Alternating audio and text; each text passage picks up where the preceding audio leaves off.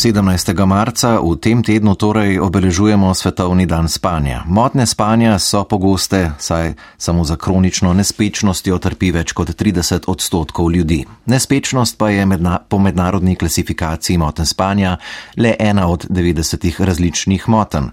Ker nezdravljanje motnje vodijo v kronične bolezni, vplivajo pa tudi na psihična ravnovesja, jih je potrebno prepoznavati, prepoznavati in tudi zdraviti. To počnejo priznani strokovnjaki z dolgoletnimi kliničnimi izkušnjami v Centru za motnje spanja. Ena leteh je dr. Barbara Gnidovec Stražišar, doktorica medicine, specialistka otroške neurologije in specialistka pediatrije, ki se že več kot 20 let ukvarja s proučevanjem spanja in moten spanja. No, z njo se bo v nadaljevanju pogovarjala Darja Groznik. Pozdravljeni, docentka dr. Barbara Gnidovec, stražišar v našem studiu. Hvala lepa, da bo dan. Ne bova začeli pri motnah spanja, ampak vas bom najprej vprašala, kaj je dober spanec? Je to dolg spanec, je to globok spanec, ko se ne prebujamo? Torej, dober spanec. Ja, dober spanec je pravzaprav vse to. Zdaj ni potrebno, da je eh, dolg, kajti potreba po spanju je zelo individualna, različna, so neka priporočila, a ne zdaj za zdravega odraslega je priporočljivo nekje od 7 do 8 ur spanja. Seveda imamo določene ljudi, ki le dobro shajajo tudi z manj spanja. Zelo pomembno je, da se zbudimo po takšnem spanju, spočiti in naspani in da tudi čez dan potem dobro funkcioniramo, se pravi, da nimamo nobenih dnevnih težav. Takšen je, bi rekla, dober spanec. Je pa pomembno seveda, da v spanju imamo vse faze spanja, ne samo globoko spanja. Ne? Da, mhm. Kaj to pomeni vse faze spanja? V grobem v spanju ločimo dve glavni obdobi spanja. Eno je tako imenovano mirno oziroma nerem spanje, drugo pa je tako imenovano rem ali aktivno spanje. Se pravi, poimenovano je po hitrih očesnih gibih, ki jih ga vidimo v tej fazi spanja. Eh, in za našo funkcioniranje ne, pravzaprav potrebujemo obe fazi spanja. Zdaj, eh, ti dve fazi se izmenjujeta v takšnih eh, ciklusih, ki jih imenujemo ciklusi spanja. In uh, dolgi so približno uro pa pol do dve pri odrazdravem odraslem človeku in na koncu vsakega ciklusa spanja se za trenutek prebudimo, se v, v, veliko krat obrnemo postelj in gremo v naslednji cikl spanja. Uh, in tudi zanimivo, ne spanje je tako sestavljeno, da glavnino globokega spanja dobimo pravzaprav bolj v prvem delu noči, bolj proti jutru imamo pa v glavnem samo še lahno mirno spanje, se pravi lahno nerem spanje spanje, v katerem sanjamo. Oziroma rem. Mhm. Včasih kdo reče, tako dobro sem spal, da sploh ni bilo časa za sanje. Je to stereotip? Kakšno povezavo imajo sanje z spanjem? Zdaj, sanje so zelo zanimiv fenomen, ki se pretežno javlja v fazi REM, se pravi v fazi, ko imamo hitre očesne gibe. Zato, če se zjutraj, ne, ko imamo veliko tega spanja, se pravi glavnina tega spanja, zbudimo neposredno iz te faze, se spominjamo teh sanj. Lahko pa se seveda zbudimo tudi iz mirnega spanja, takrat ponavadi se teh sanj ne spominjamo. Ne. Čeprav zdaj raziskovalci ugotavljajo, da, da del sanj poteka tudi lahko v nerem fazi. Ne. Mhm. Veda o spanju je somnologija.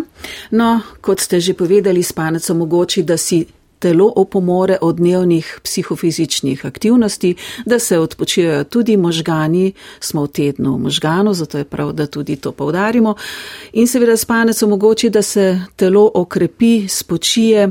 Prej smo slišali, nespečnost je najbolj pogosta motnja spanja, približno 30 odstotkov, eh, kot je bilo povedano v napovedi, je tistih, ki trpijo če govorimo o motnjah spanja za uh, to motnjo. Kdaj pa govorimo, da gre za motnjo, kajti nespečnost najbrž doživljamo prav vsi, odvisno od življenjskih okoliščin, kdaj pa je to motnja. Mhm.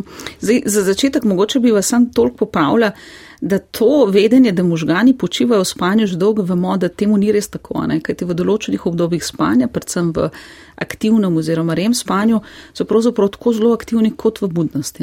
Tako da, eh, da je spanje samo nek pasiven proces, v katerem se telo in možgani spočijo, že dolgo vemo, da ni res, čeprav ne, v celoti, zakaj vse pomem, je pomembno spanje, pa v resnici tudi ne vemo. Se pravi, ni enoznačnega odgovora, je tukaj še veliko prostora za nadaljne raziskovanje. Zdaj, kar pa se tiče motne spanja, ne, predvsem pozabljamo na to, da je zelo pomembno, da imamo ob tem tudi neke dnevne simptome. Ne.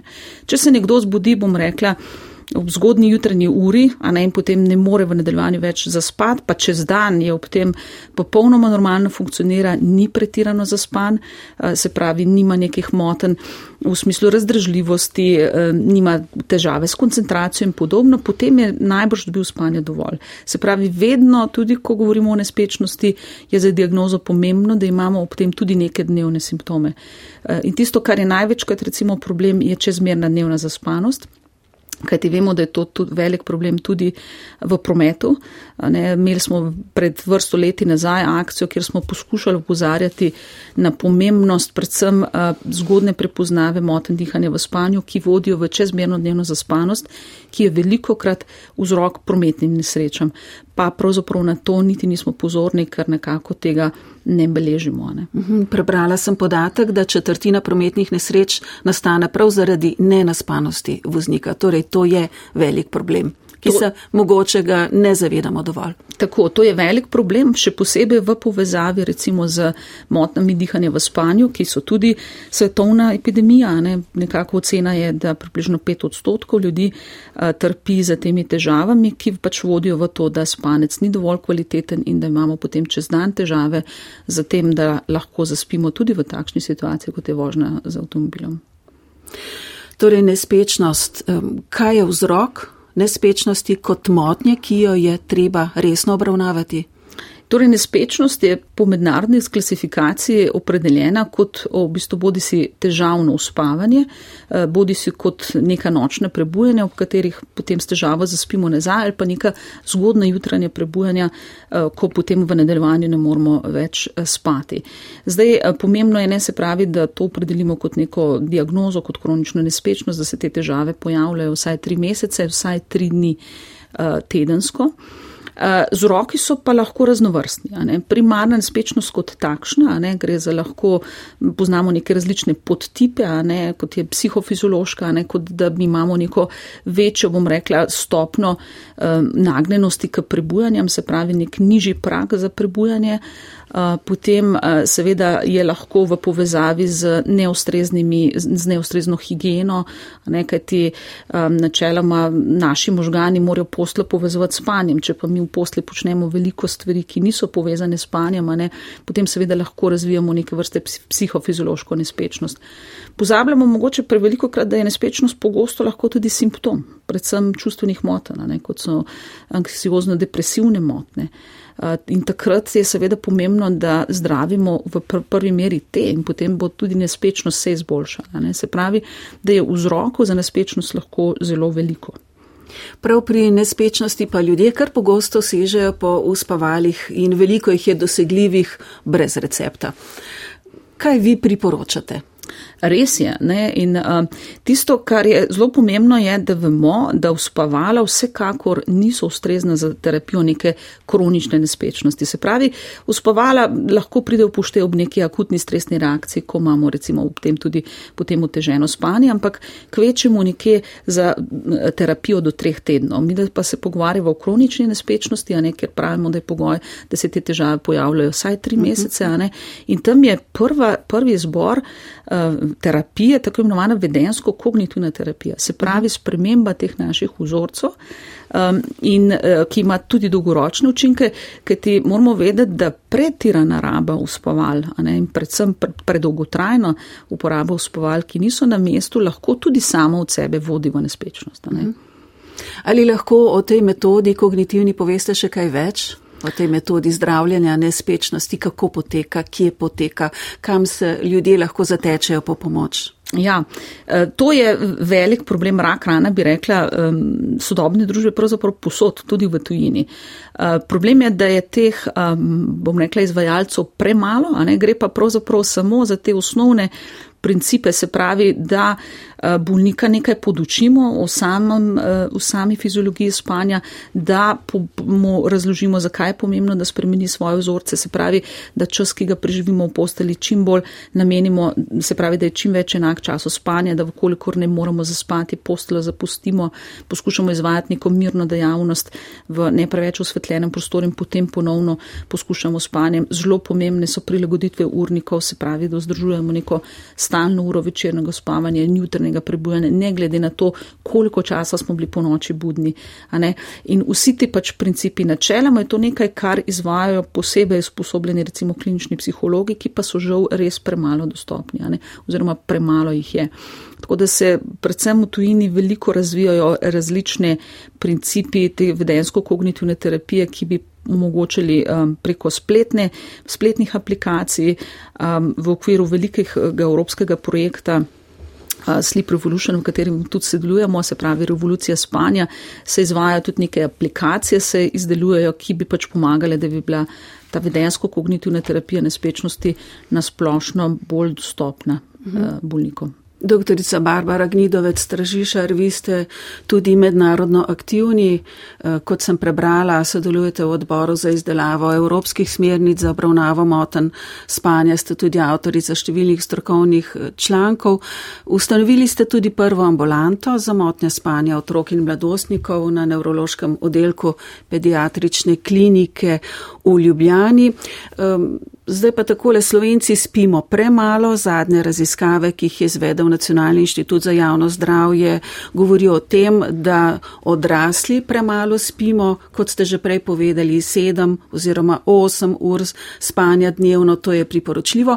Kaj pa otroci in mladostniki, ali spijo dovolj? Um, žal tudi, tudi um, slednji ne, predvsem bi rekla mladostniki ne. Um, in sicer gre tukaj za preplet različnih uh, vzrokov za to. Um, eno je seveda, da v tem starostnem obdobju spanje gotovo ni prioriteta. In to je tisto, kar se strokovnjaki za motne spanje želimo nekako tudi pri odraslih pravzaprav nekako zavesti, da spanje je pomembno, da spanje je dobro, da spanje je in, a ne se pravi, da če smo dobro na spanje, tudi lažje funkcioniramo. Seveda v obdobju najstnikov je to nekako um, z njihove strani percepirano kot izguba časa.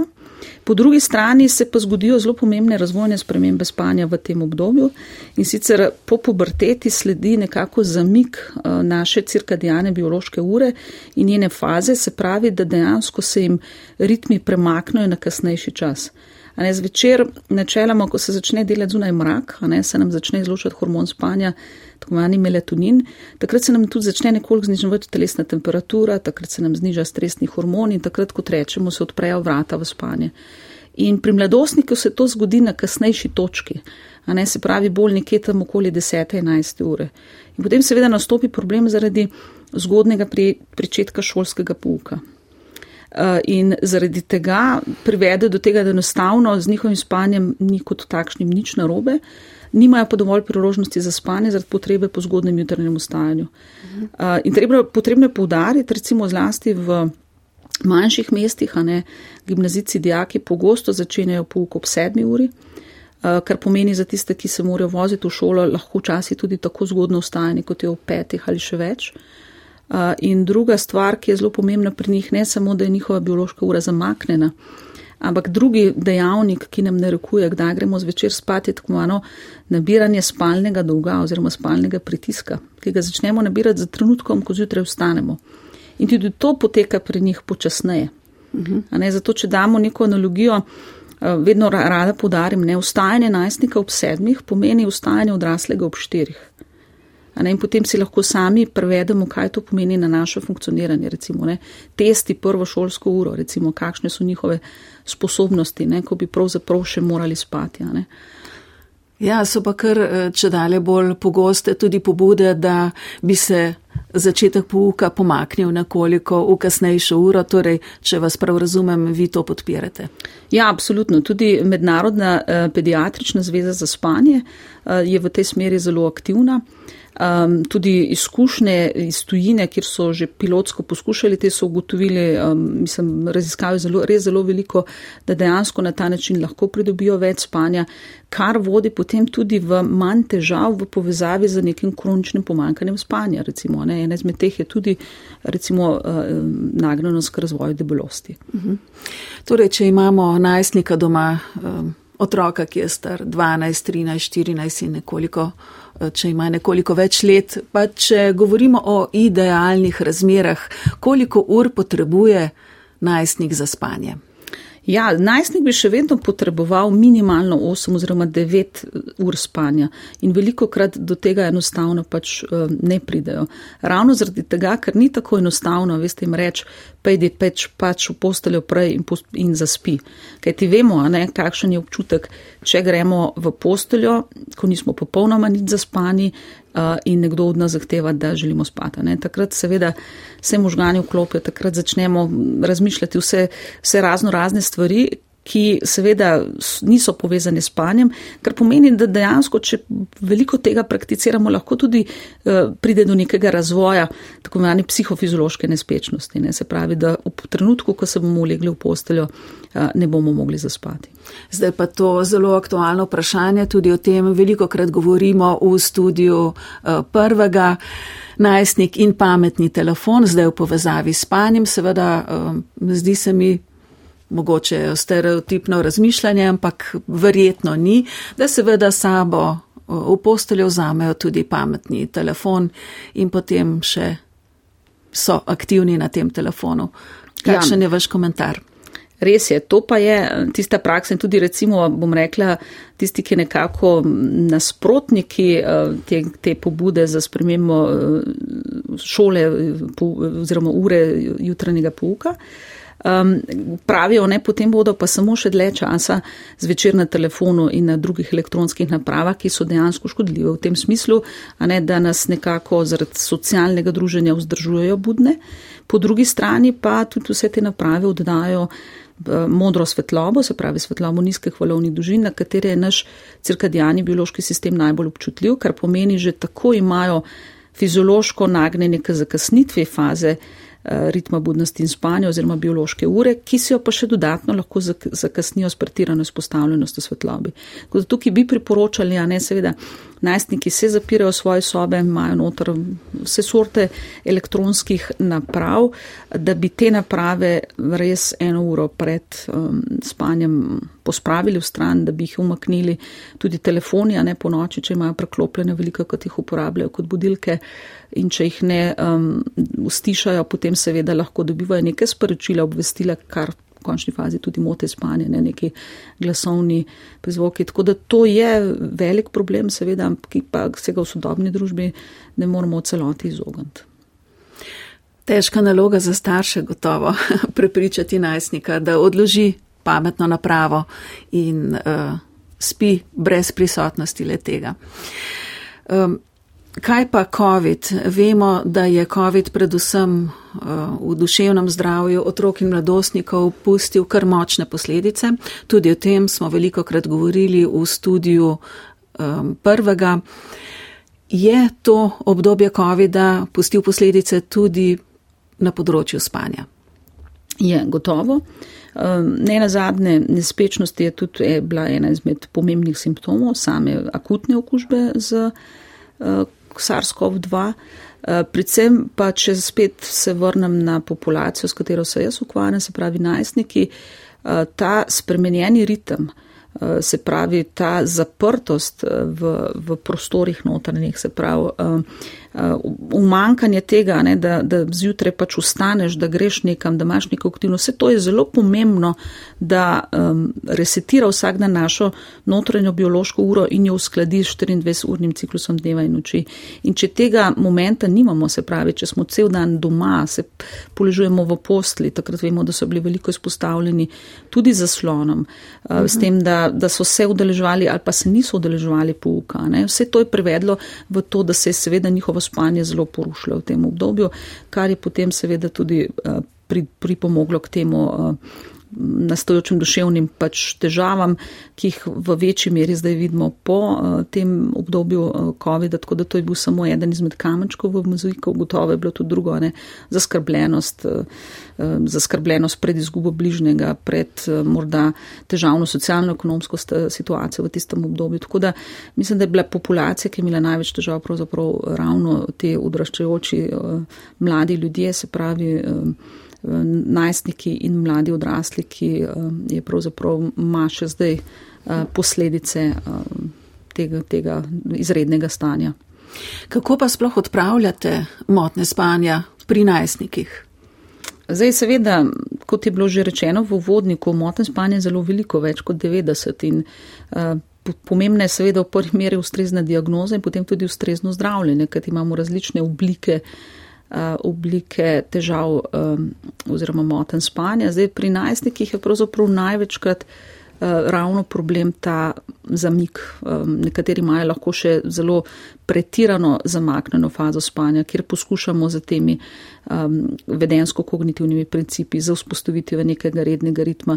Problem namreč pri najstnikih je, da ravno zaradi tega, ker med tednom dobi, pridobijo manj spanja, poskušajo to spanje nadoknaditi bodi si spanjem čez dan, kar pomeni, ne, kot smo rekli, da na ta način sprostijo še dodatno spalni pritisk, kar pomeni, da gre zvečer še teže spati. Po drugi strani pa poskušajo nadoknaditi to spanje med vikendi, kar tudi starši veliko krat spodbujajo. Ne.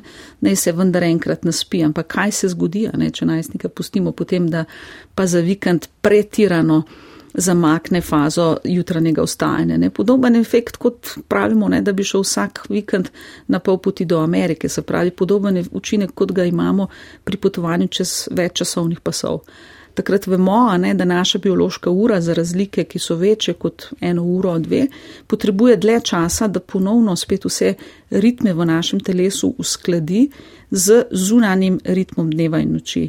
In v tistem času imamo tako imenovani jetlag, v tem primeru pri najstnikih ga imenujemo socialni jetlag, ker veliko krat zamaknejo fazo tudi zaradi druženja, ne, to je obdobje, ko uh, začenjajo svoje socialno življenje, ko se družijo. Ne, ko... Sej tudi to je razvojna potreba otrok. Absolutno in tudi to je nekaj, kar je umankalo v času epidemije. Uh, ne, bilo je veliko dogodkov, ne, ne na zadnje spomnimo se recimo maturantov, ki so bili prekrajšani za praznovanje ob, ob koncu tako pomembnega pomembnega koraka v njihovem življenju. Eh, tako da vse to seveda je povezano, ampak po drugi strani vedno jim poskušamo nekako pregovarjati, da ne zamaknejo te faze preveč. Ne.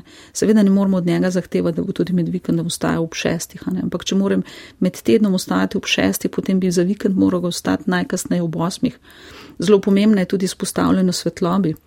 Mi, če želimo zvečer zaspati brez težav in dobro spati, je pomembno, da smo izpostavljeni svetlobi zjutraj. Kar pa seveda, če spijo potem do 11-12, zamudijo ta pomemben signal svetlobe zjutraj.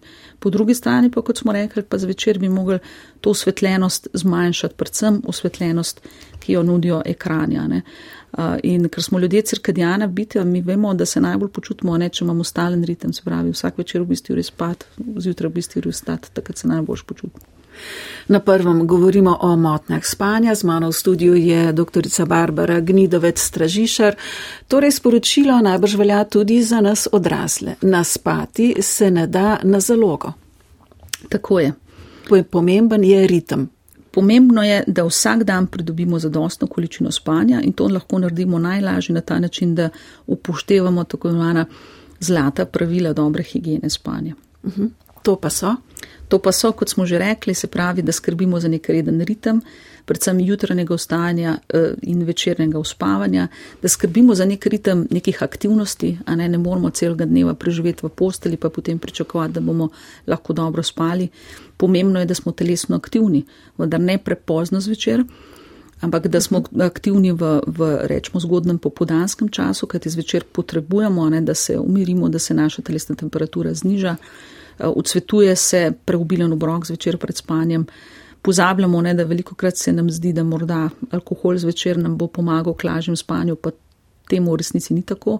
Se pravi, da se izogibamo različnih tudi uh, ostalih pijač, ki vsebujejo poživila. Mladostniki veliko krat posegajo po različnih energetskih napitkih, Ne na zadnje, že pijače, kot so ledeni čaj, vsebujejo v bistvu poživila, ki uh, nas lahko potem nam onemogoče spanje. Pomembno je, da imamo primeren prostor za spat, da spimo v temi, da imamo ustrezno temperaturo, da imamo prostor, ki, ki uh, je dovolj, bom rekla, izoliran od nekega zvočnih držav. In pomembno je, da ko gremo zvečer v poslo, da pustimo skrbi zunaj spalnice, se pravi, da jih ne odnesemo samo v posteljo. Uh mhm. -huh. Torej, veliko lahko storimo sami. Absolutno. In um, zlata pravila te dobre higiene spanja veljajo pravzaprav pri tistih, ki imajo ali pa nimajo težav s spanjem. Ne? Se pravi, v vsakem primeru, pri ne glede kakšno, za kakšno motno spanje gre, bodo pripomogla k temu, da naredimo pač neko spremembo in da res ne imamo to v mislih, da je postelja namenjena spanju, podrasti se pravi seksualnosti, spolnosti, medtem ko ostale stvari pa potem pač ne počnemo v posteli in da se res zadržujemo v posteli toliko, kot je nujno potrebno, da sploh, če imamo neke težave, da jih tega či, poležavanja čim manj.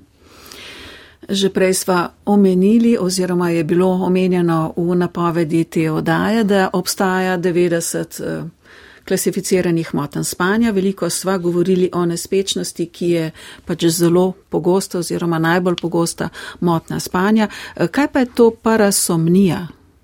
Ja, parasomnija pose, je posebna skupina motenj spanja in v resnici gre za neke dogodke, ki so povezani s spanjem. Ena izmed najpogostejših parasomnij so tako mana nepopolna prebujanja z globokega spanja, ki se lahko kažejo v obliki neke zbujanja z zmedenostjo, bolj intenzivni obliki, ki jo imenujemo nočni strah oziroma nočna groza, in pa enak fenomen je pravzaprav tudi mesečnost oziroma hoja v spanju. To je nekaj, kar pretežno srečujemo več pri otrocih, zaradi tega, ker imajo otroci razvojno večjo količino globokega spanja, kajti starejši kot smo, manjši imamo delež globokega spanja. In v teh dogodkih se dogaja, kot da bi bil del možganov buden, del pa še vedno, bi pa še vedno spal. In globalni del možganov, če ga tako rečem, se pravi, ko snemamo spanje, v teh dogodkih nekako vidimo na nivoju možganov, da v resnici možgani spijo, medtem ko lahko otrok oziroma oseba počne neke na pol zavedne stvari. In običajno se teh dogodkov zjutraj tudi ne spominjajo. Lahko so zelo neprijetni za opozovalce lahko so zelo strašujoči, lahko so potencialno nevarni. Ne, mesečniki se lahko poškodujejo, ko splezajo skozi okno, padajo z prvega nadstropja. Imeli smo takih primerov kar nekaj. Ne. Medtem ko večinoma pa sami ti dogodki niti ne motijo toliko spanja. Potem imamo neke parasomnije, se pravi neka dogajanja, ki se pojavljajo v rem fazi spanja. To pa je predvsem recimo nekaj, kar vidimo pri, pri odraslih oziroma pri starejših, tako imenovana z REM fazo spanja povezana motna vedenja. In sicer normalno v tej fazi, ko imamo tudi glavnino sanjanja, smo popolnoma sproščeni, se pravi, naše mišice so popolnoma ohlapne, um, ohranjen je tonus mišice, se pravi, dihalne muskulature oziroma prepone in pa mišice srca, medtem ko imamo v ostalih mišicah tako imenovano atonijo. In pri teh ljudeh ta atonija omanka. To so dejansko lahko ljudje, ki, kot rečemo, odigrajo svoje sanje, ker lahko ponovno pride do nekih forenzičnih dogodkov, ker lahko poškodujejo partnerja, s katerim spijo. Uh, tisto, kar je pa še bolj, bom rekla, nekako zaskrbljujoče, je, da veliko krat pač uh, se te dogodki pojavljajo, kakšno desetletje, preden se razvije neka nevrodegenerativna obolenja, recimo kot je Parkinsonova bolezen. Tako da potem imamo še celo vrsto drugih nekih dogajanj v spanju, ki jih pač opredelujemo in to je nekako vse tista skupina, kot mhm. rečemo, parasumni. Že prej ste omenili motnje dihanja. Je to pogosta motnja? To je pogosta motnja, predvsem pri odraslih, zaradi tega, ker ne na zadnje je povezana tudi z naraščujočim pač trendom čezmerne telesne teže oziroma debelosti, ne, kjer prihaja do takih periodičnih zapor zgornjih dihalnih poti med spanjem in ob tem eh, se seveda možgani prebudijo. Ob tem se lahko dogajajo tudi spremembe, a ne se pravi zmanjšana zasičenost krvi s kisikom, zaostajanje ugljikovega dioksida in to potem seveda vse dolgoročno lahko vodi v tveganje za raz, razvoj različnih eh, bolezni, kot so sladkorna bolezen, srčnožilna obolenja, možgansko-žilna obolenja in podobno. Tisto, kar je pa največji simptom, kar smo že pač tudi omenili, ti ljudje so čez dan neznansko utrujeni, zaspani, ne, veliko krat lahko izpostavljeni um, nesrečam pri delu, lahko so izpostavljeni seveda poškodbam v prometu, uh, enostavno zaradi tega, ker ne pridejo do tistega tako imenovanega restaurativnega oziroma kvalitetnega spanja, da bi se a, takrat res lahko mhm. spočili. Torej, če se pojavijo ti simptomi, je pametno obiskati najprej splošnega zdravnika, potem pa naprej specialista. Tako je, eden izmed pomembnih simptomov je recimo smrčanje.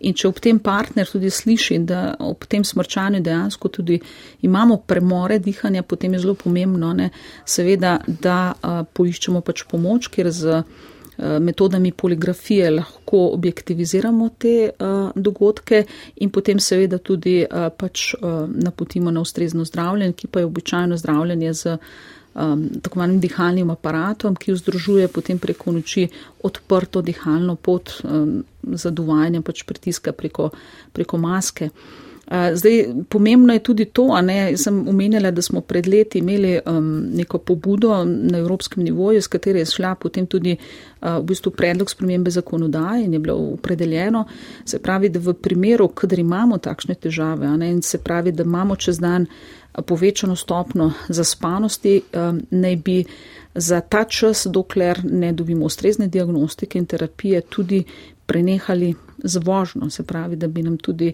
um, naš zdravnik uh -huh. dal mhm. predlog za zdržanje vozniškega izpita, ki bi ga potem ponovno pridobili, ko uh, seveda se začnemo zdraviti, kajti ne na zadnje smo nevarni zase kot za druge udeležence v prometu. Uh -huh. Ali je dolžina spanca premo sorazmerna starostjo? Starejši kot smo, manj spanca rabimo. Ali to drži? Ali gre za stereotipno razmišljanje? Ne, res je. Z, s starostjo se potreba po spanju zmanjšuje. Vi veste, da novorenček praktično tri četrtine dneva prespi, medtem ko potem ne, pa starejši nekako že prav dobro shajajo šestimi, sedmimi urami spanja. In še nekaj se zgodi, ne. prej smo se pogovarjali o najstnikih, ki zamaknejo svojo cirkadijano biološko uro v starosti pa je ravno obratno. Ne? Takrat pa postanemo bolj uh, tako imenovani škarjančki, gremo zvečer zgodaj spat, pa se potem ne malo kateri starostnik zjutraj zelo zgodaj zbudi ob tretji, četrti uri, a ne jim poveda, kako celo noč ni mogel spati, ampak vendar uh mhm. -huh. pozablja, da je pravzaprav že cel večer dobil tisto potrebno količino spanja, ki jo sicer potrebuje. Uh mhm. -huh. Kaj bi rekli na koncu, zakaj je pomembna skrb za dober spanec? Spanje ima res mnogo številne um, funkcije. Zaenkrat še ne vemo vseh in verjetno bo tisti, ki bo vse to dognal, kandidat za novo Nobelovo nagrado. Uh, mimo grede, prva Nobelova in do zdaj edina nagrada uh, iz področja somnologije bila podeljena leta 2017 uh, ameriškim znanstvenikom, ki so odkrili tako imenovane urne gene, se pravi, ki v naši biološki uri skrbijo za to, da ta naša biološka ura usklajuje vse ritme v telesu, da se dobro počutimo, če so ti ritmi usklajeni z um, periodičnim izmenjevanjem dneva in noči. Tisto, kar je pa pomembno vedeti, ne, ne na zadnje, če spimo premalo ali pa naš spanje ni dovolj kvaliteten, um, dolgoročno uhranja, ukvarjamo svoje zdravje, bolj smo, tvega, smo nagrani k temu, da bomo imeli prekomerno telesno težo, kajti takrat Če smo nenaspani, se nam zmanjša izločanje hormona, hormona sitosti, poveča izločanje hormona lakote. Nagnjeni smo takrat zelo nezdravi hrani, jo tudi prekomerno kopičimo, kar lahko potem vodi v debelost, v razvoj sladkorne bolezni, spravi tako imenovanega metabolnega sindroma, kar nam potem lahko spet poslabša določene motne spanja, kot je recimo motne dihanje v spanju. Kot sem rekla, nagnjeni smo k temu, da bomo uh, doživeli kakšen možgansko-žilni incident ali pa recimo uh, srčno-žilni incident. In tisto, kar vemo približno zadnjih deset let, da v spanju tudi poteka neke vrste čiščenje možganov. Takrat se odplavljajo razgradni produkti presnove, za katere pa vemo, da se v čezmerni meri kopičijo recimo pri različnih demencah, kot je Alzheimerova demenca, kar pomeni, da dolgoročno s tem tudi tvegamo da bomo prej razvili demenco. Tako da iz razno raznih vedikov, ne, predvsem pa za mlade odrasle pomembno, spanje je pomembno zato, da, da odčvrstimo svoje spomine, se pravi, da iz spomin pretvorimo iz kratkoročnega v dolgoročni, kar je pomembno za učujoče se populacijo. Ne, se pravi, da če se želimo dobro učiti, se moramo dobro naspati pred učenjem in potem seveda tudi po učenju. Tako da spanje je pomembno, tako da vzamemo si ta del dneva uh, samo zase, za svoje zdravje in za svoje dobro počutje, ker bomo potem tudi čas, ki ga preživimo v budnosti, preživeli kvalitetneje. Doktorica Barbara Gnidovec Stražišar, hvala lepa za obisk v studiu. To je bila oddaja med štirimi stenami, v kateri smo govorili o spanju in motnjah spanja.